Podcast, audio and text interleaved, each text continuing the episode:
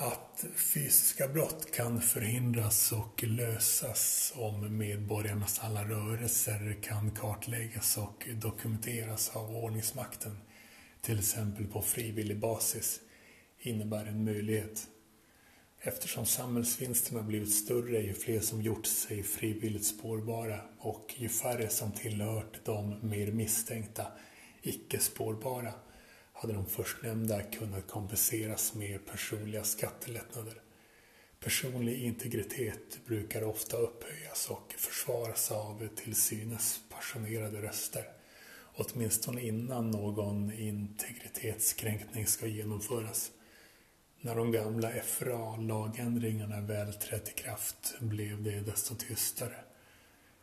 Att eh, protestera mot övervakning och eh, spridning av sann information till exempel genom att droppa frasen 1984 är ett säkert kort för den som vill vara intellektuell tänkare. Men det är inte nödvändigtvis de mest debatterande och högljudda som är de mest ansvarsfulla.